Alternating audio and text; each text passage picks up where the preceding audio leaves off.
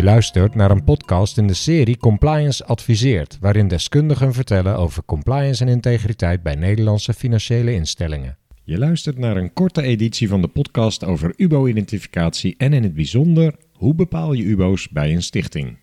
In deze podcast vraag ik de twee ervaringsdeskundigen werkzaam bij Trustmore in Amsterdam. Onze gasten zijn vandaag Alex Laumans, Chief Risk and Compliance Officer bij Trustmore sinds april 2018, na diverse senior rollen te hebben vervuld bij onder andere UBS en GE Capital. En Björn Schuitenmaker is de tweede spreker, Senior Compliance Officer bij Trustmore sinds februari 2021, na verantwoordelijk te zijn geweest voor compliance bij onder andere ICBC, Japi Credietbank en enkele rollen bij het Nederlands Compliance Instituut. Welkom Alex en Björn, welkom. Fijn dat jullie willen komen vertellen in onze podcast. Ja, Erik, dankjewel voor die, die sympathieke introductie en dankjewel dat wij bij jou in de studio uh, mogen zijn om over dit onderwerp uh, met jou te kunnen praten. Leuk initiatief, dankjewel Erik. Dank je. We gaan het hebben over stichtingen, maar welke type stichtingen onderscheiden jullie? Uh, mag ik Alex eerst het woord geven? Ja, uiteraard, dankjewel. Nou, in principe heb je heel grof gezegd de goede doelenstichtingen, die meer in het maatschappelijk belang uh, ageren. En je hebt de functionele stichtingen. Bijvoorbeeld stichtingen derde gelden, stichtingen waarbij juridisch eigendom wordt afgescheiden van het economische eigendom. Die zie je dan met name bij, bij fondsen, waar de verplichting geldt om een, een depositorrelatie te hebben. Zulke stichtingen hebben een fiduciaire verplichting vis-à-vis degene die de inbreng doet. En dat kan bijvoorbeeld een investeerder zijn.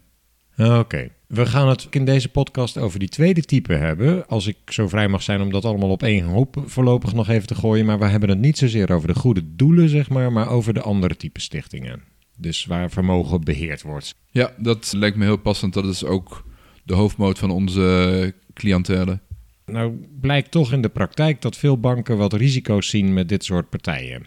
Hebben jullie enig idee waarom dat is? Mogelijk omdat het lastig valt te bepalen wie de eigenaren zijn en wat voor vermogen er gebruikt wordt, waar het vandaan komt, waar het heen moet. Is daar toch iets mee te doen?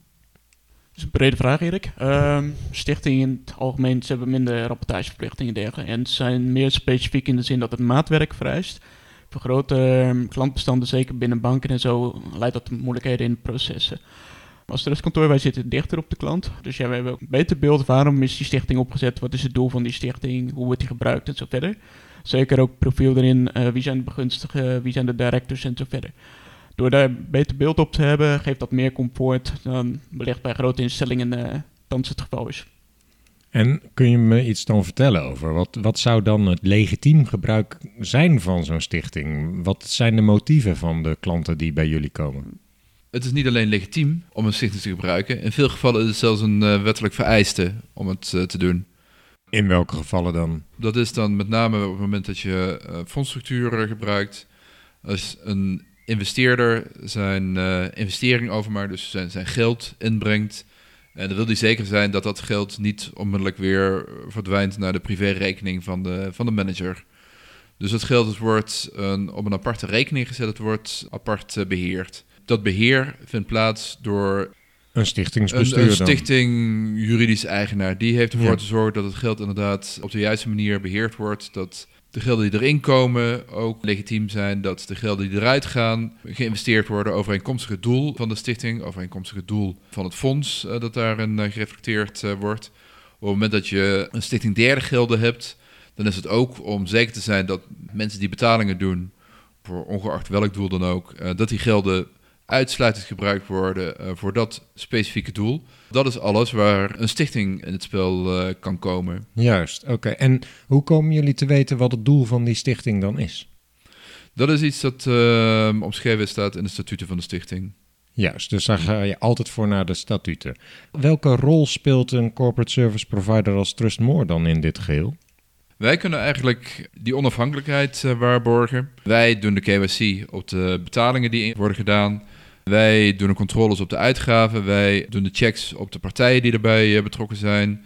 Als bestuurder is het onze taak werkelijk om, om dagelijks overzicht te houden en de controles uit te voeren.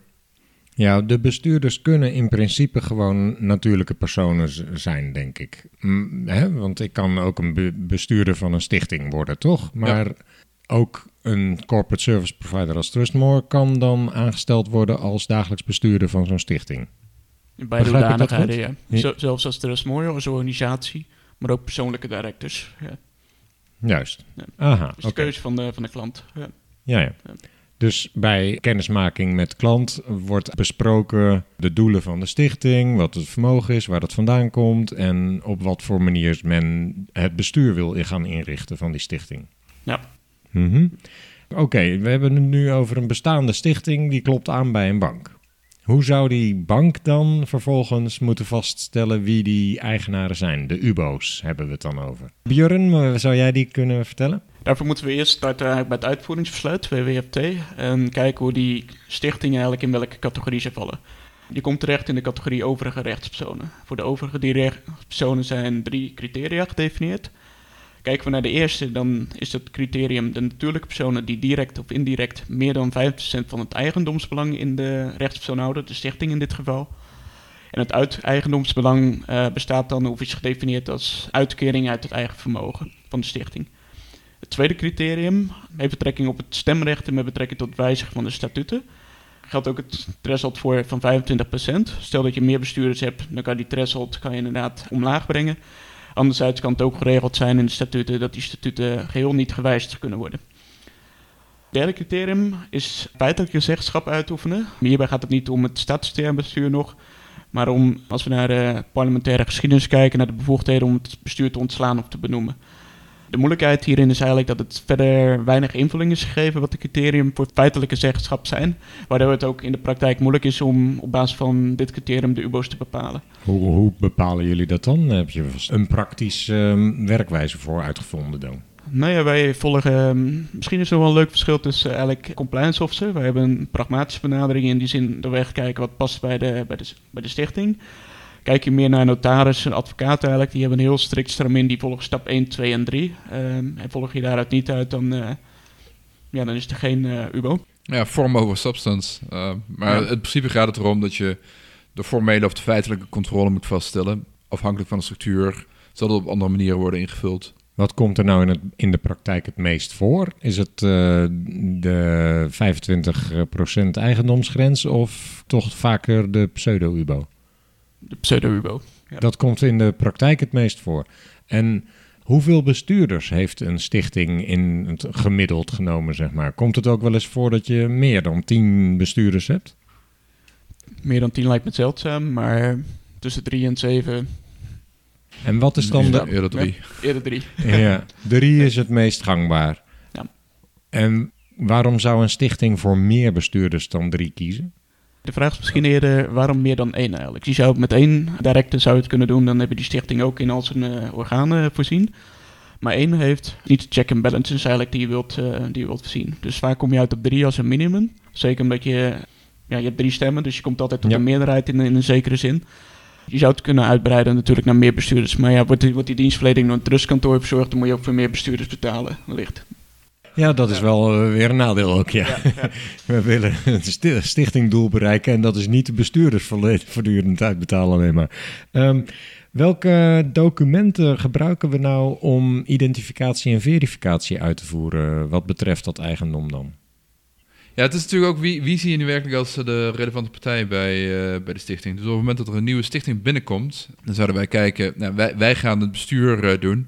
Mocht er een derde bestuurder bij zijn, dan zullen we die persoon eh, uiteraard eh, verifiëren. En dat, daar komt alles bij, inclusief copy passport, source of wealth, onderzoek.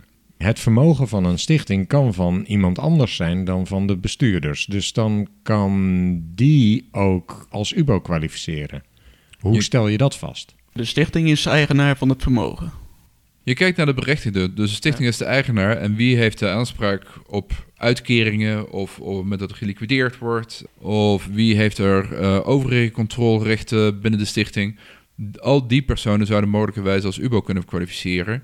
Dus eerst moet je begrijpen wat, wat is het doel van de stichting? Hoe werken de mechanics eh, van de stichting? Om vervolgens te kunnen bepalen waar ligt eigenlijk de controle over het beleid? Wie, wie bepaalt waarin betaald wordt?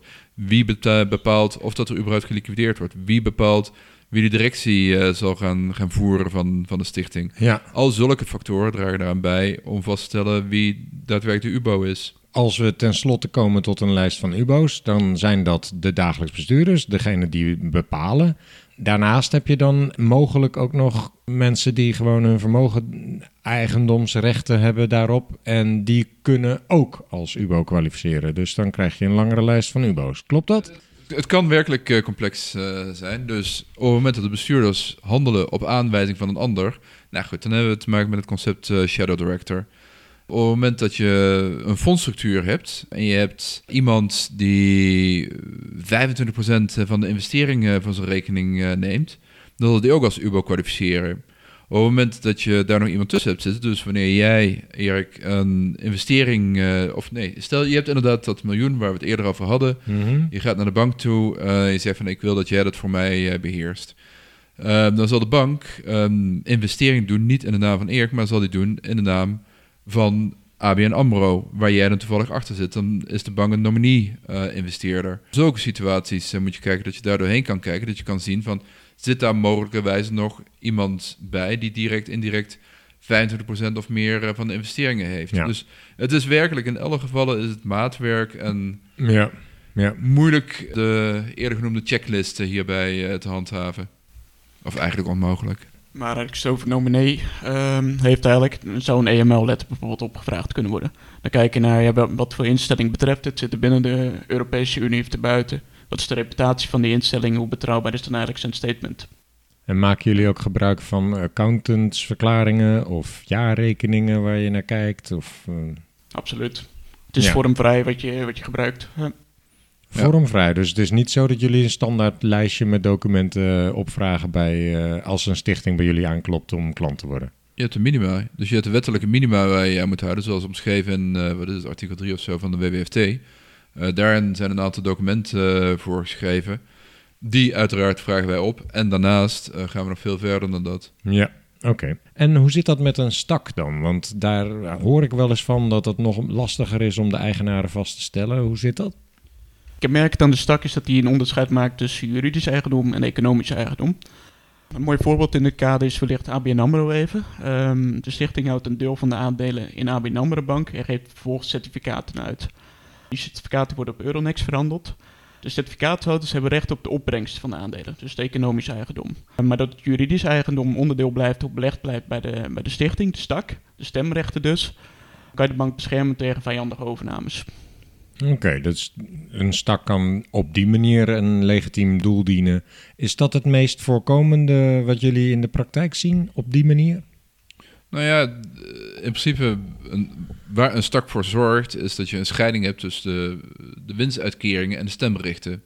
Dus op het moment dat je bijvoorbeeld medewerkers wil laten profiteren van de groei van de organisatie, zonder ze direct controle te willen geven, dan is uh, een stak ook een uh, aangewezen middel. En is bij een stak ook duidelijk wie de certificaathouders zijn? Ja. Op wat voor manier uh, kom ik daarachter? Certificaatregister, maar dat is intern.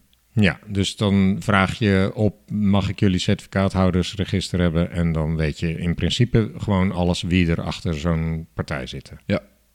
Als medewerker van een corporate service provider heb je dus een rol in het besturen van zo'n stichting. Zitten daar ook risico's aan en is het logisch dat dat zo gaat?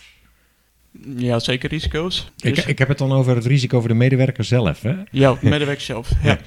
In principe maakt de wet geen onderscheid of dat je nou een trustbestuurder bent of een ja, bestuurder zeg maar, in de operationele activiteit van die stichting buiten de organisatie van Trustmore dan. Dus ja, alle verantwoordelijkheden en verplichtingen die daaraan verbonden zijn, die gelden na van hand. Dat zijn de wettelijke verplichtingen, dus Ja. uh, je hebt ervoor Ja. te zorgen dat het ding in goed, uh, goed standing is. En dat is dan je persoonlijke aansprakelijkheid. Maar alles wat mogelijkerwijs uh, als, als wandaden door uh, de stichting uh, betiteld kan worden, zal direct op jou terugvallen als medewerker van het trustkantoor, als directeur van het trustkantoor. Ja. Dus als client director voor een service provider binnen een stichting ben jij verantwoordelijk voor het beleid en in alle consequenties uh, van, van die stichting. En wanneer de stichting is opgericht om eventuele interesse van derden te beschermen, um, dan is het goed mogelijk dat een derde door wanbeleid zijn complete inbreng verliest. Um, en ja, zal daar waarschijnlijk Dan ben je aansprakelijk als bestuurder. En ja, dus dan moet je als uh, bestuurder ook bij een, uh, bij een corporate service provider goed in de gaten hebben wie welke betalingen doet en hoe de financiën eruit zien. Dus daar weet je eigenlijk als bestuurder heel erg veel van, begrijp ik. Daar heb je in elk geval voor te zorgen. Dus je moet zorgen dat je volledig inzicht hebt, dat je de juiste controles hebt om inderdaad die, die aansprakelijkheid ook waar te kunnen maken. Als ik dan weer terugdenk aan waar ik eigenlijk mee begon, dat veel financiële instellingen risico's zien bij het boorden van stichtingen, is dat in jullie ogen terecht? Ik denk dat in zulke gevallen stichtingen vaak als um, één geheel gezien worden, terwijl er gewoon te veel variaties zijn binnen de stichting om dat mogelijk te maken. Dus we hebben het eerder al gehad over de maatschappelijke doelen. Stichtingen, je hebt stichtingen binnen estate planning, je hebt stichtingen binnen uh, alle vormen van financieringen. Je hebt stichtingen eh, meer als, als uh, stichting derde gelden. Je hebt stichtingen binnen de fondsen, binnen de Alternative Investment Funds, die een hele eigen rol op zich nemen om, om voor de investeerders als beschermer op te treden. Als jij één beleid wil hebben voor stichtingen in het algemeen, dan ga je eigenlijk aan al die variaties voorbij. En dan zul je het misschien je hele beleid afstemmen op de Goede Doelenstichting, waar kleine donaties in gedaan worden die uitkeringen doet in wat meer exotische landen. En je wil het beleid dat je voor zulke stichtingen hebt opgesteld gaan toepassen om een stichting die gebruikt wordt als eh, juridisch eigenaar voor een, voor een onder toezicht staand fonds. Nou ja, dat slaat nergens op en dat is ook niet, niet realistisch. Maar dan krijg je wel een heel duidelijk eh, conflict in je aannamebeleid. We hebben een wat duidelijker beeld wat legitiem gebruik is van een stichting en hoe het met een stak zit. Dank jullie wel voor jullie bijdrage aan deze podcast en uh, graag tot een volgende keer. Hartelijk dank. Dank dat je luisterde naar Compliance Adviseert. Heb je met plezier geluisterd? Volg dan op LinkedIn de pagina van Compliance Adviseert. En kijk even op onze website complianceadviseert.nl. Laat daar meteen even je e-mailadres achter, zodat je een update ontvangt in je mailbox zodra er weer een aflevering klaar staat om te beluisteren. Heb je een vraag of aanvulling? Laat dan ook even een reactie achter op de LinkedIn-pagina of de contactpagina op onze website. Ik zal het met plezier lezen en wellicht kunnen we op die manier nog meer compliance kennis delen. Heel graag tot de volgende podcast.